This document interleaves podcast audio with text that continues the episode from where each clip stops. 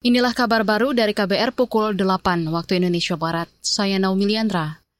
Kementerian Kesehatan masih menunggu keputusan Presiden Joko Widodo terkait status darurat COVID-19 di Indonesia. Ini terkait sikap Organisasi Kesehatan Dunia WHO yang sudah mencabut status kedaruratan COVID-19 secara global. Juru bicara Kementerian Kesehatan Muhammad Syahril mengatakan kementeriannya akan berkoordinasi dengan kementerian lain untuk membuat rekomendasi yang nantinya akan disampaikan kepada Presiden Jokowi. Kedaruratan COVID di Indonesia itu berdasarkan Kepres nomor 12 tahun 2020.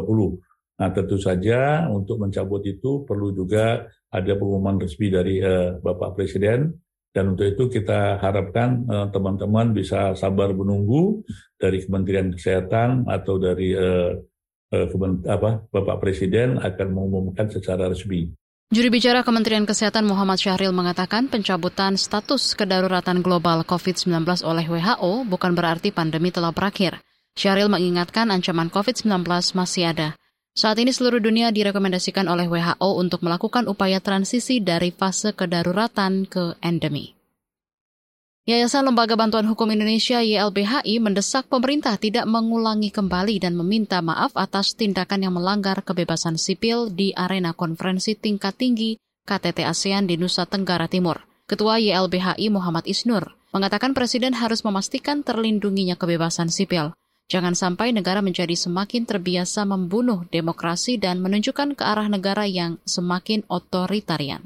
Uh, sudah banyak catatan dari banyak lembaga bahwa Indonesia mengalami regresi demokrasi yang semakin parah dan ruang-ruang seperti ini semakin memperparah situasi demokrasi kita gitu. Dan bahaya sekali kalau kemudian ini ditiru oleh daerah-daerah Ketua YLBHI Muhammad Isnur menilai pemerintah telah melanggar undang-undang lantaran melakukan pembungkaman dan intimidasi kepada masyarakat sipil dalam gelaran KTT ASEAN. Saudara perhelatan konferensi tingkat tinggi KTT ASEAN di Labuan Bajo, Nusa Tenggara Timur, NTT, diwarnai intimidasi terhadap warga yang sedang memperjuangkan haknya. Beberapa warga mengaku diintimidasi aparat kepolisian dan pihak yang menyebut sebagai utusan pemerintah pusat. Intimidasi terjadi saat warga menagih janji pemerintah untuk melunasi lahan yang dijadikan salah satu tempat perhelatan KTT ASEAN. Intimidasi aparat ke warga kasus penggusuran lahan telah terjadi sejak 2022 dan berlangsung hingga saat ini. Kita ke mancanegara, bekas Perdana Menteri Pakistan Imran Khan ditangkap polisi saat hadir di pengadilan di Islamabad. Dikutip dari AFP, penangkapan itu memicu protes pendukung Khan di berbagai wilayah di Pakistan sepanjang Selasa kemarin.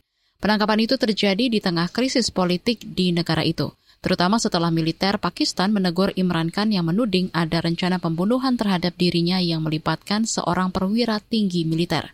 Upaya pembunuhan itu menyebabkan Imran Khan lumpuh setelah kakinya terkena tempakan. Para pendukung Imran Khan berdemonstrasi di berbagai tempat di Islamabad, Peshawar, Karachi, dan sejumlah kota lain. Sejak digulingkan dari kekuasaan, Imran Khan menghadapi sejumlah dakwaan termasuk dakwaan korupsi. Demikian kabar baru KBR, saya Naomi Liandra undur diri.